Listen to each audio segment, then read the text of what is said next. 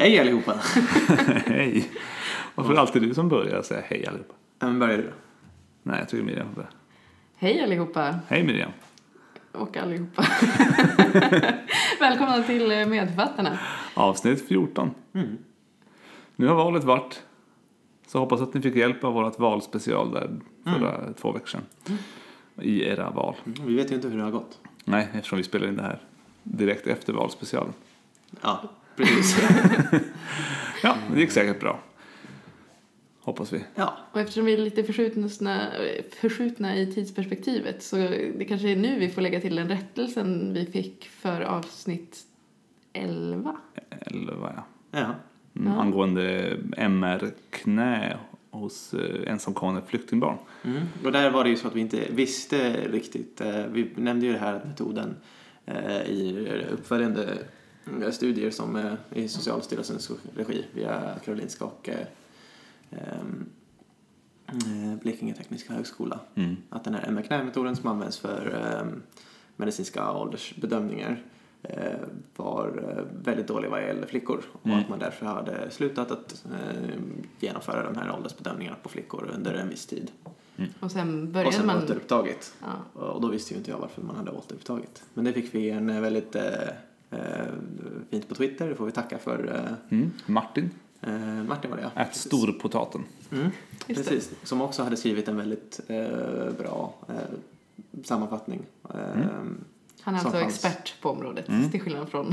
Till skillnad från oss, ja. Ja. Precis. Så där rekommenderar jag att man kan... Eh, Men han berättade vad då? Han berättade att han berättade att eh, det man har ändrat på i eh, policyn då vad gäller flickor i medicinska åldersbedömningar är att man har eh, eh, Eh, ändrat så att eh, för att eh, man ska räknas som över 18 så ska man både så att säga vara över 18 på tandröntgen och på MR-knä.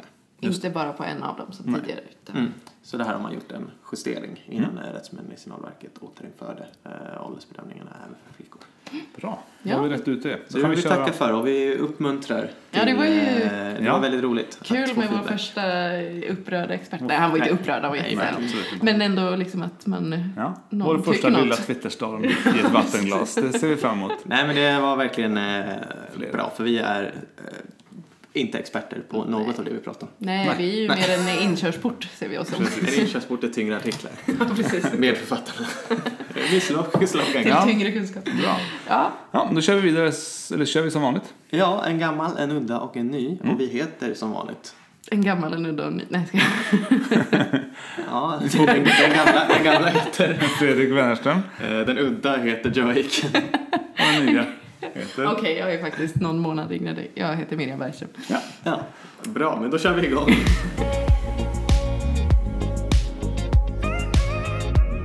Ja, men då ska jag börja med något gammalt. Eh, Börjar vi med i vanlig or- ordning. Mhm. Eh, och eh, jag ska prata om en eh, sjukdom, en väldigt eh, tragisk sjukdom. Eh, ska jag prata om, eller ett syndrom snarare. Eh, och det är eh, SIDS. Ska jag prata om. Känner ni till det? Mm. Ja. Mm. Sudden infant death. Nej. Plötslig spädbarnsdöd. Plötslig svenska. Vad står det för? svenska. Sudden infant death syndrome. Ja. Och det är ju i princip en oförklarlig eh, död egentligen Mm. hos ett barn mellan en månad och ett års ålder. Mm. Ehm, som är ovanligt. Eh, mindre än en per tusen födslar i USA. Ehm, och ehm, ja, alltså det är ju det är mest att det är inte beror på något annat egentligen. Och oftast i sömnen. Att det hände plötsligt helt enkelt. Plötsligt, ja, Ja. oftast i sömnen då. Eh, Ja. Och det är ingen annan eh, klar orsak. Mm. Så det är alltså en uteslutningsdiagnos då? Precis, det är ju mer ett syndrom då än en Mm, liksom ja. sjukdomsentitet. Det är Mm. bara... Mm. Eh, och eh, ovanligt då, det är, eh, i USA är det något vanligare hos pojkar.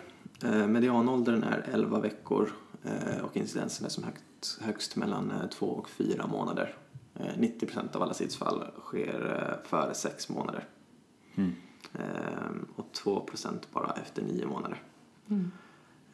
Orsaken är man inte särskilt klar på. Men är det att de liksom plötsligt slutar andas eller vad är det som händer? Ja, ja och då har man eh, rådande teori vad gäller patofysiologin. Vad jag kunde läsa mig till är eh, att det är möjligen något igen stamscentra eh, som styr eh, andningskontrollen. Mm. Eh, möjligen men Mm. liksom någonting i den utvecklingsfasen. Eh, om man har en utvecklingsförsening i den regleringen. Okej. Eh, och ja, riskfaktorer eh, är bland annat att ha en ung mamma. Eh, under 20 är en riskfaktor.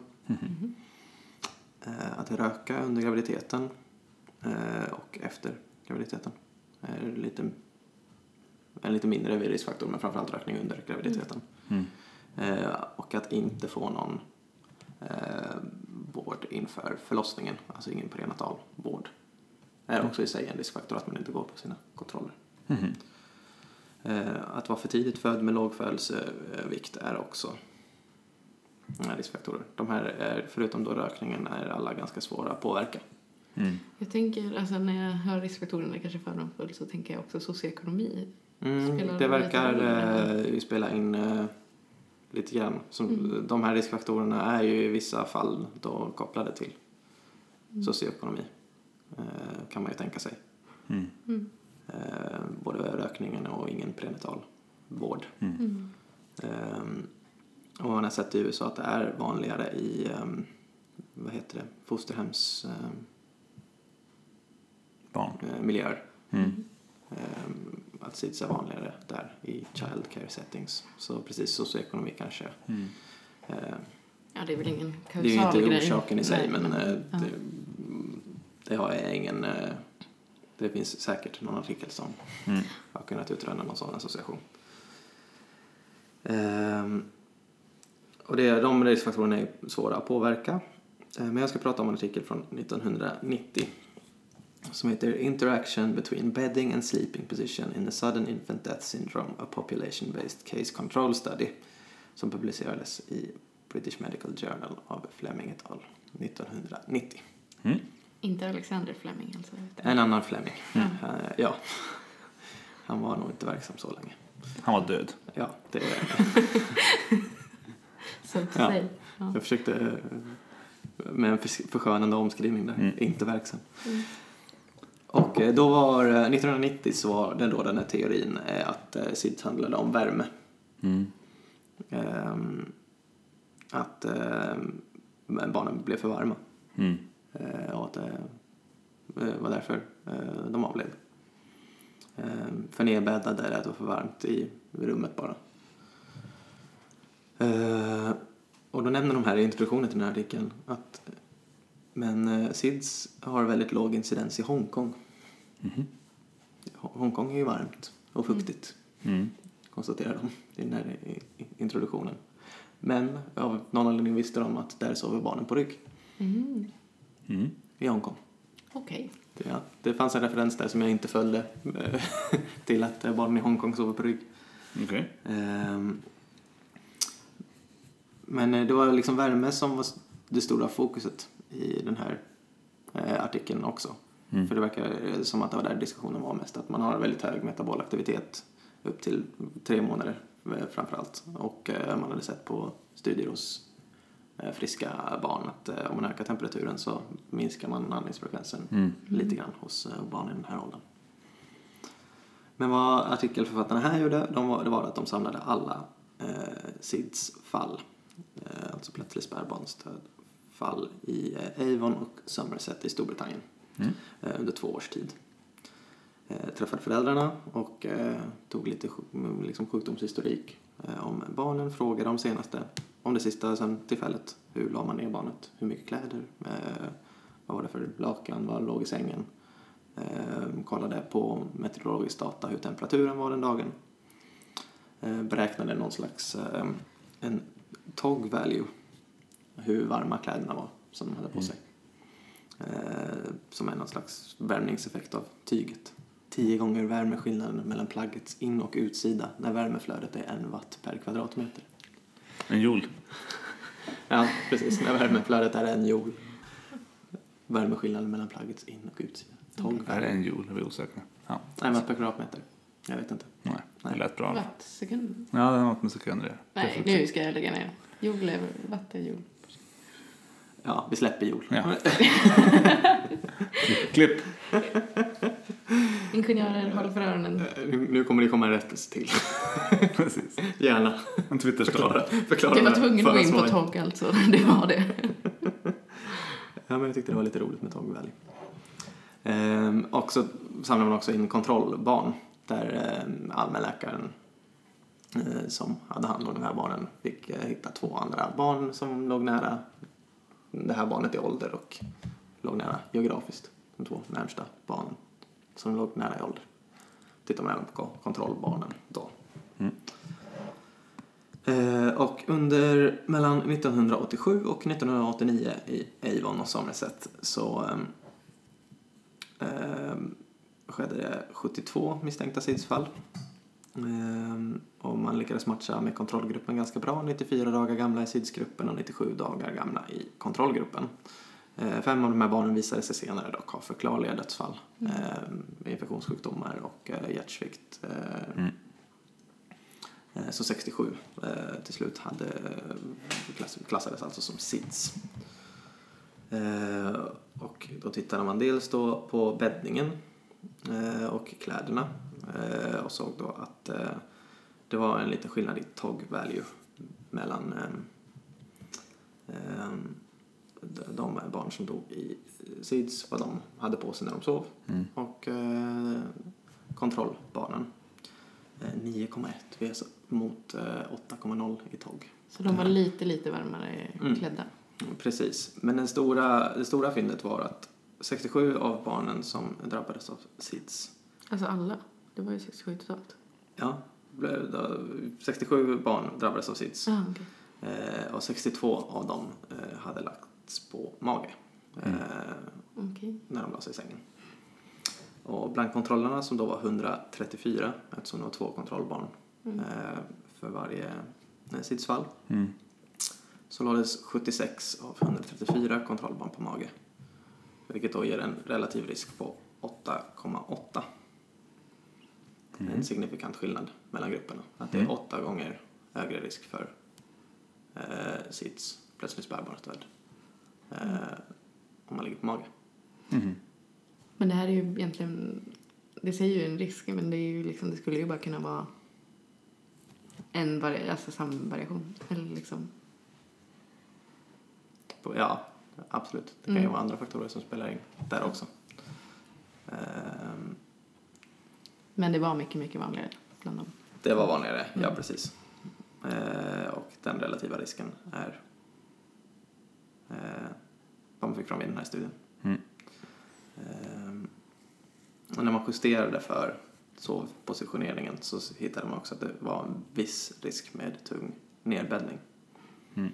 Eh, en relativ risk på 1,14. Okej. Mm. Så det spelar också roll och det var lite huvudfokus. Men den här positioneringen stal showen lite grann. Mm. Och det innebär ju då att man har en eh, modifierbar riskfaktor. Mm. ehm, utöver då rökning. Som också är modifierbar. Att ja, inte röka när man är gravid. Hade de kollat på de här om, om föräldrarna rökte? Eh, nej, det kollar man inte här. För jag har för mig att jag har hört någon förklaring att eh, i samband med att man i Sverige började säga åt föräldrar att lägga barnen på rygg Mm. Så slutade man också att röka Mm. inomhus Mm. i stor utsträckning. Mm. Och att man då inte riktigt vet om det kanske var rökningen som var egentligen den riktiga orsaken. Mm. Men eh, det spelar ju egentligen ingen roll. Nej, nej det är det inte. Eh, om barnen ligger på rygg och man slutar röka. Oavsett Mm. vilket så är det bra om de inte dör. Mm. Ja, verkligen. Det har ju kommit flera studier Mm. sen eh, som jag inte har läst till det här avsnittet. Mm. Eh, men precis som du sa så i samband med att man eh, började med stora kampanjer, eh, Back to Sleep hette den i Mm. USA och i flera länder i Europa så minskade incidensen av SIDS drastiskt. Mm. Och då kan man ju precis som du säger diskutera om det är någon annan faktor som också bidrar Mm. till det, framförallt då rökningen. det är ju. Tidsenligt som du säger också kanske ungefär samtidigt i tid Mm. som en minskning i rökningsincidensen. Men det Eh, här har varit väl en jättegrej ändå? Ja. Ja. det blev det ju verkligen, eller det var stora kampanjer. Mm. Ehm, Och eh, incidensen sedan 80-talet i USA har minskat med 50 procent Mm. sedan eh, Back to Sleep-kampanjen. Mm. Bra. Ehm, Så det ingår ju i rekommendationerna nu. Mm. Mm. eh, Absolut. Att lägga barn på, på rygg. Pratar man om det? Mm. Och liksom, Absolut. Liksom. Mm. Det, ehm, vid senare studier när man frågar föräldrar hur de faktiskt gör så är det ungefär hälften som faktiskt lägger barnen på rygg Mm. eh, i USA. Ehm, Och eh, bland andra rekommendationer då är förutom då rök inte och gå på prenatala kontroller. Mm. Eh, Lägga barnen då på rygg på hårt underlag. Mm. Spädbarnsängar är väl speciellt utformade. Nu tittar jag på dig Fredrik. Ja, det är möjligt. Ja, att de är lite hårdare. Man ska inte lägga dem i en vanlig säng tydligen. Nej, man ska och ska. Jag tror det är Ja. ganska många som samsover med sina barn. Men Precis, och det rekommenderas inte heller. det, rek- det jag vet man rekommenderar är att man aldrig ska sova i samma säng som sitt Mm. barn om man, har, om man har antingen druckit alkohol eller rökt. Mm. Eh, alkohol kan man ju förstå. Mm. Att man, är man onykter och så Mm. kanske man inte märker om man skulle rulla över på Mm. sitt barn. Det där med rökning har jag faktiskt aldrig förstått. Om, om jag har rökt och sen lägger mig bredvid mitt barn, skulle det liksom Skulle jag då utsöndra Ja, det vet jag rök? heller. Men det, Andrahands den, eh, Mm. rökning rekommendationen. kan jag förstå, men Ja, ja, nej, eh, nej. liksom... eh, men att man inte ska ligga i samma säng om, Mm. man, har, om man är rökare så att säga. Men det, Men Agnes Wold skriver väl om det här i sin... Eller jag vet inte om hon pratar om det i sitt sommarprat eller hur det var. Men, och i den här barnpraktikan också. Att hon det- gick efter eget huvud och liksom tyckte det kändes bättre att lägga barnet på rygg. För, och så visade det sig sen att Mm. ja, men det var ju kanske bättre. Ja, För för I att, den Anna Wahlgrens barnpraktika så tror jag hon, eller sova hela natten. ja, eh, hon förespråkar ju ligga på mage. ja, så det var ju verkligen den rådande. Ja, och det beror på att man, 70-talet. hon då tycker att man ska buffa barnen som hon kallar det. Att man ska sl- slå, ska jag inte säga, eh, klappa dem på ändan Mm. eh, för att de ska somna. Och Vilket är svårt om de ligger på rygg. Mm. Men eh, nej, man upp, uppmanas nu som svensk förälder och uppenbarligen i andra länder att man ska, barnen ska ligga på rygg. Så Mm. länge de inte kan vända sig själva. Sen spelar det ingen roll. Då, då snurrar de ju runt som illbattingar ändå. Men, jag tänker, men hur blir det egentligen i, i, alltså så här, i praktik? Alltså jag blir så här, om, säg ett barn som inte sover på nätterna överhuvudtaget och sen så somnar i någon position. Kan man, blir det liksom ganska godtyckligt i slutändan Ja, kanske? ja, antagligen. Mm.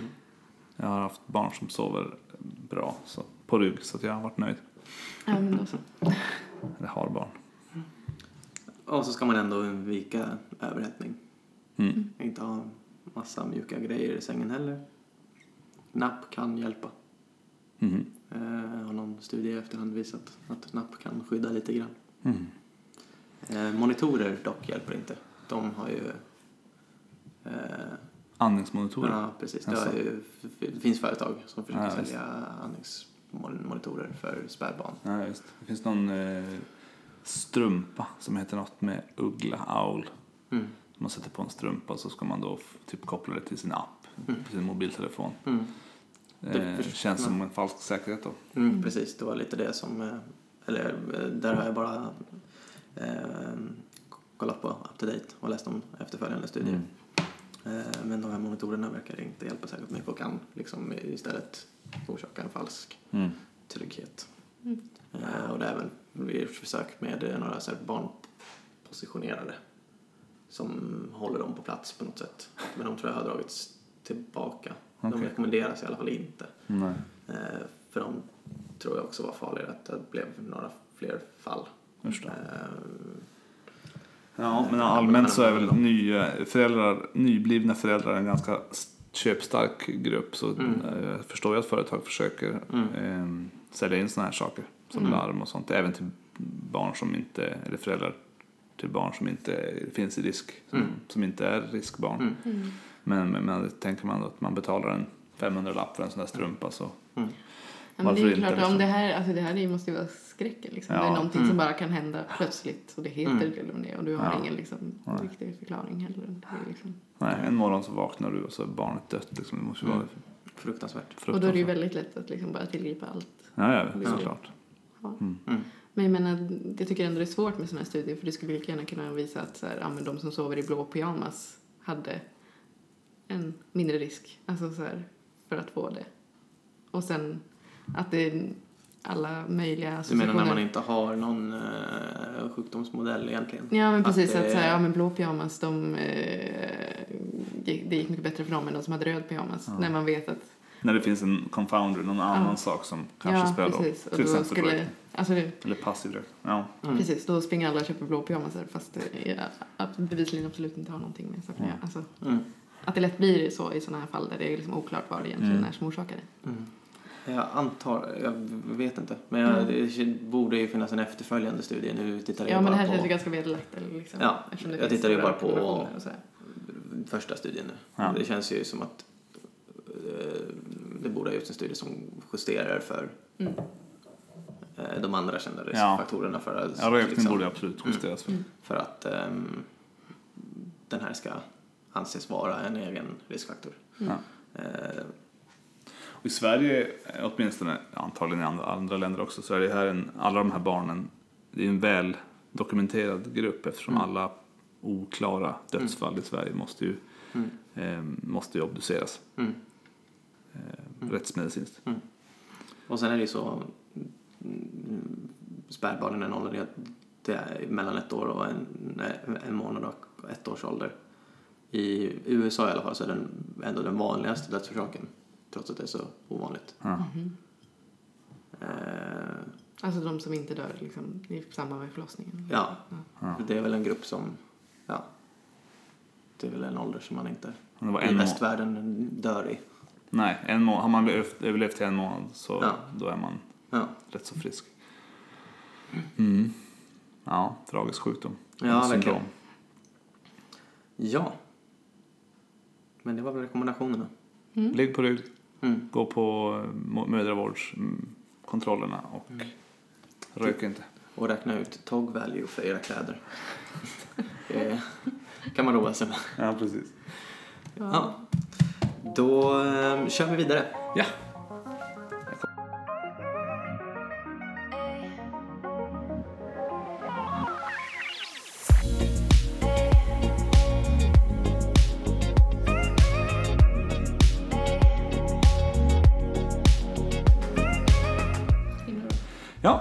Jag tänkte att vi måste prata om Metformin. Ja, Kan det eventuellt vara det tråkigaste läkemedlet? ja jag tycker det. Jag tycker att det är i samma klass där som typ Trombyl och Omeprazol. Trombil tycker jag är lite kul. Tycker du det? Ja. Alltså det är ju, det är ju jättebra läkemedel Mm. allihop och Metformin inte minst. Men, men Mm. det är ju inte så sexigt liksom. Det är ju, Men trombil orsakar ju inte så mycket problem. nej men vet- gör Metformin då? Ja det är njursvikt. Ja men Ja. Trombyl är tråkigt för att det är så här, ah, ja, 75 milligram. Ja. Ja. ja. Mm. Ja, Statinerna tycker jag känns... ja kanske. Det, Men Metformin, eh, enligt FASS i alla fall, det är då för er som inte känner till det, det är en behandling av diabetes mellitus typ 2 hos vuxna, speciellt hos överviktiga, där enbart diet och motion inte ger tillräckligt eh, metabolisk kontroll. Mm. Kan användas som en, en monoterapi, alltså enda läkemedel, eller i kombination med andra perorala antidiabetesmedel eller insulin. Och eh, tittar man på biverkningarna, det är därför den kanske känns lite tråkig för att finns det inga biverkningar så finns det ju sällan några verkningar heller tänker man. Eh, ja men lite så. Ja, ett, ja, ett läkemedel som har mycket biverkningar eller ska vara potent Ja, men sätt. lite det, ska, det ska hända något. Eh, så, men det, de biverkningarna som man kan se som är mycket vanliga det är gastrointestinala symptom, Mm. illamående, kräkningar, diarré och det får man ofta när man sätter in läkemedlet och då börjar man lite långsamt. Ehm, och eh, då upphör de spontant oftast. Ehm, mycket sällsynta men betydligt värre då är laktatacidos. Ja, men det känns som att det enda anledningen till att jag numera känner att jag har en speciell relation till Metformin är just när du ska göra en eh, kontraströntgen. Så Precis. ska det plinga till. Men Ja, då ska man sätta ut, eh, sätta ut läkemedlet. Ehm, återigen en- en- enligt FAST då, den har följande tre verkningsmekanismer. Det är eh, reduktion av leverns produktion av glukos genom att hämma gluconeogenesen och gly- glykogenolysen. Den, har en, eh, den ökar insulinkänsligheten genom att förbättra perifert glukosupptag och glukosutnyttjande i muskulaturen. Och eh, den fördröjer också upptaget av glukos i tarmen. Mm. Så helt ärligt så är det ju ett jättebra läkemedel oavsett om det är sexigt eller inte som har hjälpt mm, oerhört många människor genom åren. Ja, verkligen. Det, mm. Men lite tråkigt. Ja. Ja, Ja. det är väl lite så. Det är patentet här- har gått ut och det är, ja, det är lite så. Det är en gammal trotjänare. Ja, det är det absolut. Man kanske bara inte var tillräckligt med när Jag tänker det när det kom var det sig ju... för Metformin. Då måste det kännas som ett mirakel. Absolut. Nu Ja. kanske man bara är bortskämd. precis. Men jag nu- tyckte ändå när vi läste endokrin, då var det ändå så här att ja, men man, Metformin ska alltid ändå vara med. Det är liksom det första ja, läkemedlet och du ska kombinera med det andra. Och även om du går över till något annat så kan du ändå alltid Ja, slänga med den. med lite Metformin. Och eh, nu då när man tittar i flödena bland forsk, ny forskning så börjar Metformin att dyka upp och då handlar det inte främst om antidiabeteseffekterna utan nu ser man saker som att Metformin kan reversera lungfibros till exempel. Ehm, Mhm. Och eh, man har också sett goda resultat som behandling för olika neurodegenerativa sjukdomar som Alzheimers och eh, Huntingtons sjukdom. Oj. Eh, Så det finns en Toronto-forskare som heter Frida Miller. Hon och hennes forskarlag har kunnat visa att Metformin ökar nybildningen av hjärnceller både hos eh, möss och människoceller. Så att man kan se att Metforminbehandlade möss, eh, deras, alltså levande möss, deras stamceller har en fördubblad kapacitet att skapa hjärnceller jämfört med icke Metforminbehandlade möss. Och möss som tvingas lära sig nya saker Eh, tills De hade någon eh, undervattensutgång i, i den här studien då man skulle hitta, hitta liksom en, en exit. De kunde, när man tog bort den exiten och flyttade den, metforminbehandlade möss lärde sig mycket snabbare att hitta och var mycket bättre på att söka på andra ställen och så, än icke metforminbehandlade kompisar. Så dessa fynd har man ju då, kan man ju tänka sig använda inom strokevården för att få lite Ja, ny, Om det används efter stroke vet jag faktiskt inte. Nej, jag tror man, man forskar på det för fullt. Det är många neuroprotektiva substanser som har testats i samband med akut stroke och ganska många tror jag även efter för att påskynda eh, återhämtningen. Mm. Men har det också någonting alltså, med glukosupptaget att göra? Kan det stimulera glukosupptag även i hjärnceller då så att de blir mer... Alltså när man läser de här rapporterna så är det, vi snackar, det här är krångligt. Alltså det, är så, okej. så krångligt det är så mycket, det kanske inte alls är så krångligt för, för någon som eh, forskar på det här. Men för, jag tycker det är jättekrångligt, jag, jag kan inte säga att jag inte satt mig in i det. Det är massor med olika pathways eh, som påverkas i och så. Och det är, eh, Men det är inte huvudsakligen glukosmedierat då utan det är en annan metformin. nej, det verkar inte vara, Nej. verkar inte vara liksom det som är key. Metformin används i USA och troligtvis då i Sverige också, men i alla fall i USA sedan 90-talet för att behandla diabetes mellitus typ 2. Och eh, funkar ju jättebra. Och då har man börjat undersöka, hur, märka att man ser en, en ökad livslängd hos, eh, hos människor. Så man har börjat se att man kan se hos möss att man ger dem Metformin så lever de längre. Så att man har börjat tänka, är det här liksom en, är det här den heliga graalen? Är det liksom Mirakel. mirakelmedicinen, eh, anti-aging? Ja, då blir man alltid så skeptisk om det är något som är bra mot allt. Om man får höra typ så här, Precis. ät nässelpulver så blir du av med din reumatism och... eh, Ja. Jag vet inte. Mm, man har också i Storbritannien i en stor prospektiv studie sett en minskad risk för kardiovaskulära sjukdomar hos metforminbehandlade jämfört med andra diabetesmediciner. Mhm. Och utöver Alltså det, hos alla. Eller? ja, hos, Ja. precis. Ja, det och utöver diabetes detta vanligt. så har man i flera epidemiologiska studier visat att metformin minskar risken för cancer och minskad cancerdöd. Åh, herregud. Jag vet, man man blir helt paff liksom när man läser det här. Mm. Så det, det pågår massor med forskning på den här clinicaltrials.gov Mm. som är en amerikansk sida för, som, samma, som håller koll på alla eh, kliniska studier. Så finns det mer än hundra studier som pågår just nu med metformin. Då antar jag att inte först med eh, Metformin efter stroke. eh. Nej, det tror jag inte. Ehm, Man har kunnat visa att Metformin minskar den oxidativa stressen och inflammationer i kroppen. Ehm, Så listan kan göras lång, men, men det är liksom pågår en massor med forskning på liksom om det här kan vara en anti en anti-aging. Men det är lite, när det är sådär stora epidemiologiska data och det handlar om Metformin, då är de som får Metformin ändå folk som har koll på sin diabetes. Ja. Det blir man ändå lite sådär om det bara är effekten av folk som har en bra fungerande uppföljande läkarkontakt. Ja, att det är det som är Ja. key kanske. Mm. Eh, Men det har, har kanske och förmodligen justerats Ja, antagligen. sätt. Och jag, jag, men jag menar, det, listan görs väldigt lång när man börjar kolla på i PubMed efter Metformin-studier så finns Mm. det mycket mer än bara diabetesbehandlingar och, och forskning. Det är Vad är Metformin för något? Var, var, var, kommer det ifrån? Vad är det liksom för Det- substans? Ja, det är någon sorts bi... Vi tar en liten paus där ska jag berätta. Eh, Det är en bi... Här ska vi se. Metformin är en biguanid med antihyperglykemiska effekter som sänker både den basala och postprandiala nivån av blodsocker i plasma. Den stimulerar inte insulinutsöndring och orsakar inte hypergly- hypoglykemi. Men var, var, var, kommer den ifrån?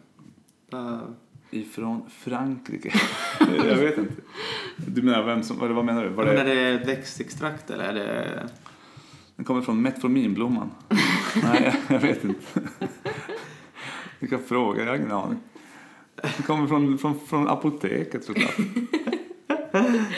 Vi ska se, Ja. jag vill kolla här. Ja, Googling intensifies. precis. Men i vilket fall så känner jag bara lite grann som, som kardiologer med statiner att man borde bara, alla kardiologer tar statiner när de, när de fyller 50. Ja. Gör de inte? Bara för att. Det, Ja, lite så. Ja men så, det finns inga större biverkningar och det, det ger säkert någon bra effekt. Så tänker jag att när vi fyller 50 så tänker jag att då kommer vi också börja ta lite Metformin bara för att Se om det. ja men så, bli lite rejuvenated, lite föryngrade. Men om du skulle kunna ha någon liksom generell antiinflammatorisk, antiinflammatorisk effekt så Mm. skulle det ju kunna påverka väldigt, väldigt mycket ändå. Alltså, Mm. Inflammationshypotesen är ju väldigt luddig och Absolut. väldigt allomfattande. Mm. Så om det hade någonting med det att göra så. Vad heter du om Metformin? Metformin verkar komma från... ehm, eh, det verkar vara likt gallegin som är en alkoholid, alkaloid som finns hos växten getrut Mhm. eh, som hade antihyperglykemiska effekter. Mhm. Eh, och sen syntetiskt eh, kunde man tillverka Metformin. Så getrut är alltså eh, Ursprung. Ursprunget. lite grann ursprunget. Ja, Så det är get, getruta, förlåt, getruta Okej. eh, är växten som man ska tacka. Mm. Mm. Ja, det ser man. Nej men så, ehm, ja, ja. Det, det blev lite sån här To be continued. Ja, jag känner det. det, Ja. det när man börjar skrapa på ytan så finns det hur mycket som helst om Metformin. Som, är- som sagt, jag antar att patentet har gått ut för det finns ju hur många generika som helst. Och, Mm. Så att, ehm, Ja, det hade jag ingen aning om. Att det, nej, det används ju, jag har bara sett det användas för som, anti, som diabetesläkemedel men Mm. i framtiden kanske vi kommer att använda det för allt möjligt. och även i en stor metaanalys att det orsakar mindre mortalitet och Mm. åldersrelaterade sjukdomar. Mm. Jaha, Mm. Ska man... Eh, Ja, men lite så. Ska, När måste man när, börja? när ska man börja? är det för sent för mig? Nej, jag ska boka, boka tid på vårdcentralen och snacka med min vårdcentralsläkare om det inte är dags. Gå dit och ta ett fasteblodsocker men smygat Ja, några gånger i rad. Så att det, precis. Ja, det är högt. trycka en eh, hel... eh, helt diamond. där Rör Dextrol. jag tror jag behöver Metformin. Det känns så. Ja, Ja, spännande. Dricka fyra liter cola och gå in och ta ett fasteblodsocker. precis. Ja, nej, jag fastar. Ja, alltså, jag tänker det här kommer vi, det här kommer vi få höra mer om i framtida poddar. Ja, det var spännande. Mm. Ja, det har jag faktiskt ingen aning om.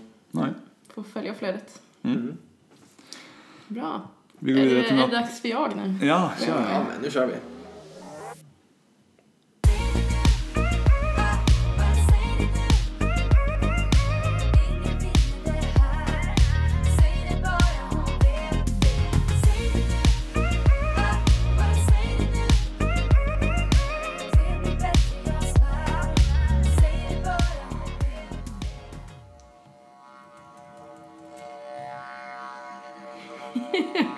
Hör ni vad det är för något? Jajamän. Didgeridoo. Det var tur att du svarade fort. Jag vet inte vad jag hade svarat. Det var en didgeridoo va? Jajamän. Jag har hittat en plats i medicinen för didgeridon. Alltså. Det här kan ni också, ja det här ni kanske vet redan, jag kanske har skvallrat. Nej. I vilket eh, tillstånd det här skulle kunna vara behjälpligt. Ja, Med lite Jag didgeridoande. tänker på psyk. Allmänt välmående. Ja, jag tänker så. Har det, har det lite gött. Ja, men Eller vad- på post-OP kanske. ja, Post. Som en tänker du? peppflöjt kanske, att få igång lite. Nej, jag tänkte mer att man ska lyssna på det. ja. Nej men att själva utöva. Jaha, att, att använda det? Ja, att, Oj, ja, det måste ju vara på lungan då. ja. Eller tänk lite högre upp. På öron, näsa, hals. Ja, precis. Så där har vi ju ett ganska vanligt tillstånd som eh, eh, orsakar ändå ganska mycket mortalitet och morbiditet. Även om vi mest tänker på det som snarkningar. Mm. Så har vi Ja, alltså Sömnapné. sömnapnésyndrom. OSAS. Obstruktiv sömnapnésyndrom eller ja, ICD-kod G47.3 eller något. Vadå, tror du från huvudet? Nej. Nej, men jag läste ju på innan Ja. och tänkte att det var kul att styla med. Är det här någonting vi förväntas göra nu framöver? Ja, precis. Ja, det tycker jag. Så får vi ersättning. Ja. KVH-kod. Ja. Då har vi gjort den på begreppet.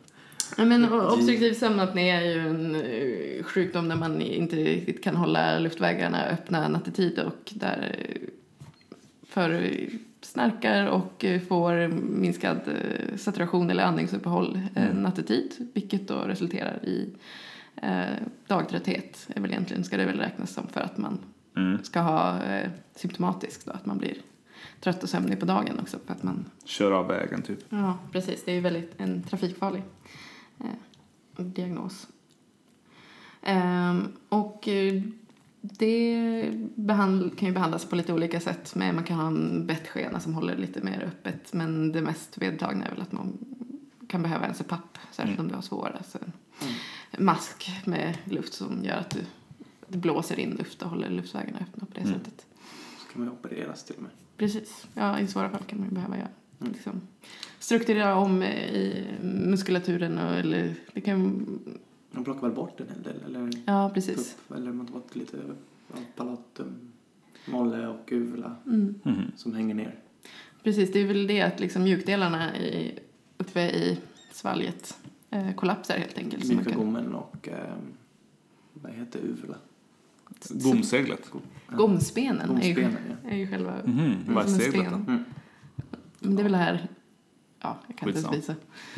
Ja, Eh, men där var det några forskare som hade, de måste ha haft en vän eller någonting, för han står bara med som så här, Alex Suarez, Didgeridoo Instructor, står som andra författare här. Att han hade väl hört av sig någon och rapporterade att han tyckte att eh, hans eh, elever hade fått mindre besvär med det här, att de, de var trötta på dagen och sådär när de har fått spela Didgeridoo. Eh, och eh, vad spännande att mm, ändå som är författare så måste man ju kritiskt granska artikeln. Och, Ja, ja, ja, ja. Men han har ju nog, han har ändå liksom gett input här på vad var lektionerna ja, men det är bestod spännande. ju sådär. Ändå. Så då tänkte de att de skulle ehm, testa det här helt enkelt. Det här är i British Medical Journal 2006. Didgeridoo playing as alternative treatment for obstructive sleep apnea syndrome, randomized control trial. Och de fick fatt i, det blev väl eh, 25 eh, patienter i slutändan. Det var väl framförallt män i 50-årsåldern. Mm. Och som skulle ha då en eh, ja, mild, måttlig eh, sömnapné egentligen, som är då ett det här apné-hypopné-index som man då beräknar skulle vara mellan 15 och 30. Mm. Så det skulle inte vara den liksom värsta, svåraste formen. Eh, och sen eh, fick de testa att i fyra månader eh, helt enkelt börja spela didgeridoo.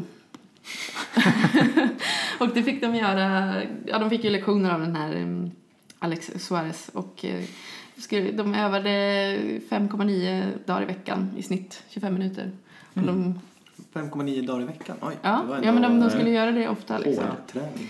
Precis, och de fick lära sig hur man liksom bäst ska kunna blåsa, även sån här rundandning. Eh, som, eh, jag har hört talas om det när jag spelade trumpet i typ ett halvår. Men det är väl att man ska kunna hålla en luftström väldigt länge och kontinuerligt för att hålla en ton. Att du eh, fortsätter blåsa ut luft genom munnen genom att du använder kinderna som så här bälgar. Och så medan du andas in genom näsan så går det fortfarande ut luft genom munnen så att du kan hålla i tonen så där länge. Liksom.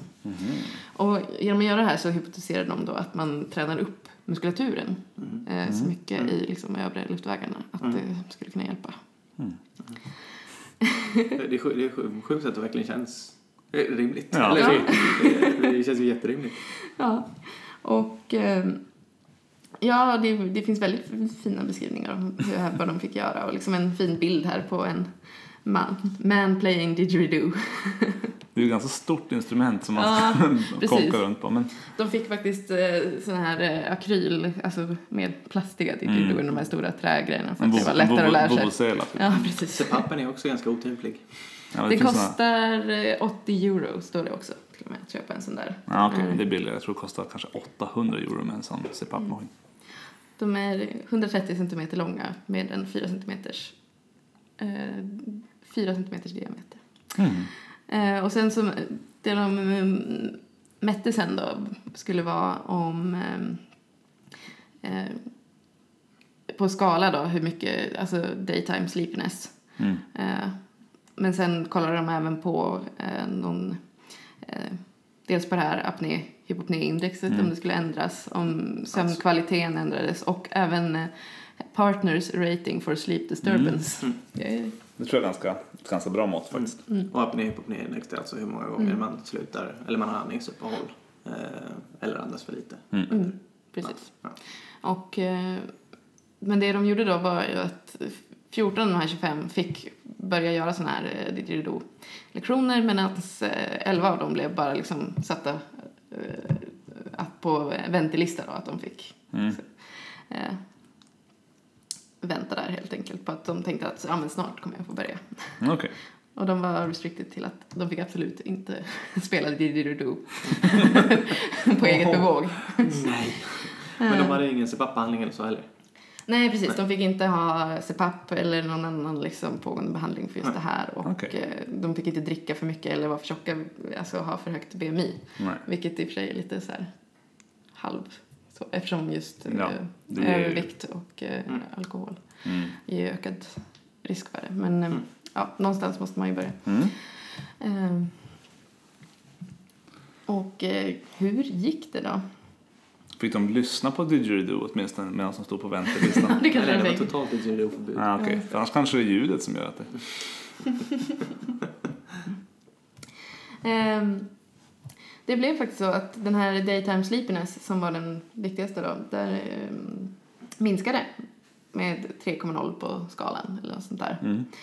Och det var en signifikant skillnad. Även eh, eh, AHI, den där hypopnéindex, minskade signifikant. Eh, och eh, partnern eh, tyckte att det störde mindre. Men var det liksom kliniskt viktiga Mm. Eh, skillnader? Är tre på den här skalan någonting som spelar roll eller är det... Ja, det, Är det- jag tror att den är satt till fyra, men det var någonting här som... Men det är inte så att det finns tusen, att det är tusen Nej, som är högst på precis. skalan? Men ungefär fyra är en liksom signifikant skillnad. Så att det är väl, eller liksom en kliniskt viktig. Ja. Så att det är väl där i trakten i alla fall. Mm. Mm. Mm. Eh, och ehm, ja, tyvärr så förbättrades inte sömnkvaliteten så. Men de blev lite mindre trötta på Bara för dagen. att de spelade didgeridoo ända in på nätterna. Ja, precis. De, bara kunde tänkte inte, på de kunde inte sluta. Nej. Satt vid klockan tre och bara... Mm. Jag måste, Kör. lära, jag, måste lära, jag måste lära mig den här på didgeridoo. Den där som går sådär. Den, den didgeridoo-låten. Mm. Ja. Ja, väldigt intressant. Men eh, man Ja, undrar men hur nu ska vi mycket som... se, för skillnaden mellan kontrollen och intervention och kontrollen var 3,0 Mm. units, just det. Men det blev 4,4 eh, skalenheter bättre än innan. Mm, så det blev lite, även för de som väntade så blev det lite bättre. Lite bättre, det är väl någon sorts regression to the mean fenomen kan det ju Ja. vara. Men, eh, Eh, Så att den totala förbättringen på 4,4 av en behandling är Mm. alltså en kliniskt viktig Okej. liksom, förbättring. Så var det. Mhm.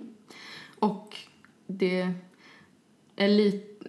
I den, om man jämför med liksom hur bra CPAP är så är det ju något sämre med didgeridoo-spelande. Men de hävdar ändå att i de här CPAP-studierna så har ju även folk med svår OSAS varit med. Just det. Så att det är inte alls... Det skulle kunna vara lika bra, Mm. vill väl de säga. det är svårt att Nu har säga. jag aldrig spelat didgeridoo, man undrar om det liknar andra blåsinstrument. Mm. Eh, om det räcker, om man kan spela, eller om man kan bara blåsa i stort sett i vad som helst. Ja. Med lite övertryck. ja, men det känns Men då ju får du ju inte lära dig rimligt. att spela didgeridoo. Nej, Nej. nej. men man kanske kan få lära sig att spela trombon. Ja. Eller eh, något lite mer oty- mindre otympligt som... Ja. Och det här var ju bara fyra månader. Tänk om du eh, Korrekt. gör det i fem år av ditt liv. Blir det? Mm. Men ja, det här med att partnersen tyckte att det, sömnen var bättre. Det kanske Mm. bara var att de tyckte det var skönt. Nu sover, spelar man äntligen. Nu slipper jag höra didgeridoo. Ja, 25 minuter varje dag. På någon som, lyssna på någon som inte kan spela. Ja, det är svårt att veta där hur, Ja. om man, skillnaden i hur mycket man uppskattar didgeridoo för någon som är riktigt bra på det och någon som är ganska dålig. Ja. Jag vet inte. Nej. Svårt att säga. Ehm, och hur mycket som är bara placeboeffekt av det här. Ja. Mm. Att få, få komma till öron näsa halskliniken Ja, och vara med om det här stora Ja, projektet och, få en helt egen didgeridoo. och lära det. Och man spelade in sig själv medan man övade varje dag och sådär. Mhm. Mhm. Men eh, ja, det vore ändå intressant att se just i så här blåsorkestrar. Så Mm. Undersöka om det finns någon annan eh, prevalens av OSAS där. Just det. Mm. Mm. Det borde man ju ganska lätt kunna Kika på faktiskt. Ja. ja, faktiskt bara gå på Folk som spelar blå- blåsinstrument. ja, något stort brassband, storband. Flera Ja. stycken. Och titta på OSAs prevalens. Ja. Mm. Det kanske blir. Nu ser ju jag, alltså om jag ser en trumpetman framför mig så ser jag ju också en, tyvärr en stor kagge och jag tänker att de lever så här jazzliv, Mm, dricker lite det- alkohol. Så det, det kanske blir lite mest... Mm. Till skillnad från didgeridoo-spelarna. Ja. Ja, men de säger de är naturmänniskor. Barfota barn. Nej, jag vet inte. Hur kan man justera för? Jag ska inte, det här är inte fördomspodden. Nej. Nej, spännande. Ja. Men eh, det kanske är så enkelt så att man ska träna upp sin, sin munhålemuskulatur. Ja, men problemet är Ja. att det blir slappt. Ja. Så eh, känns ju det jätterimligt. Mm. Om man kan strama åt det på annat sätt än att Mm. plocka bort halva. Mm. Sen Absolut. så finns det ju såklart det med alltså att du har anatomiska avvikelser som Ja. gör att det blir svårt. Liksom barnformer på grund av tonsiller och Mm. adenoider och sådär. Det blir ju, det här är ju för den äldre målgruppen. Precis. Mm. Mm.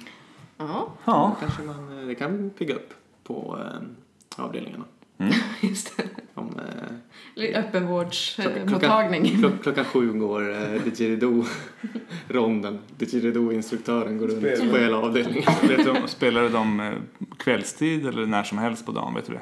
Nej, det stod ingenting om. Nej, tänkte om, man skulle liksom göra det precis innan man går och sover. Eller? Medan de sover. Mm. Ja, nej. Ja. Och var, var, var gjordes den här studien? Vet du det? Vilket land? Var det i Australien? Oh, ska vi se. Det borde ju stå någonstans här. Ja, tänkte om just didgeridoo känns ju australiensiskt. Author affiliations. Ja, Ja, men det var i Switzerland. Jaså? I Switzerland? Ja. Schweiz. Schweiz. Du plockar bara schweiziska studier. Ja, inte. Det var i Schweiz. Men de, de tänker kanske lite utanför boxen där. Det är Zürich också. Ja. Kul. Det var allt. Ja, då eh, säger vi hej då för den här gången. Mm. Kontakta oss som vanligt på medförfattarna på Instagram, Twitter och Gmail. Mm. Och- Och länkar till artiklarna finns på eh, vår Facebook-sida med författarna. Mm. In och skriv och önska och rätta oss gärna om vi har missförstått någonting. Det, Fullt möjligt. Det är nästan, Ja, ja. nästan, nästan troligt. och det är väldigt, väldigt kul när vi får eh, någon som skriver på Twitter. Vi de- kanske ska starta en tävling. Rätta medförfattarna. Ja, Ja, tack så mycket för att ni lyssnade. Så hörs vi igen om två veckor. absolut. Hej då!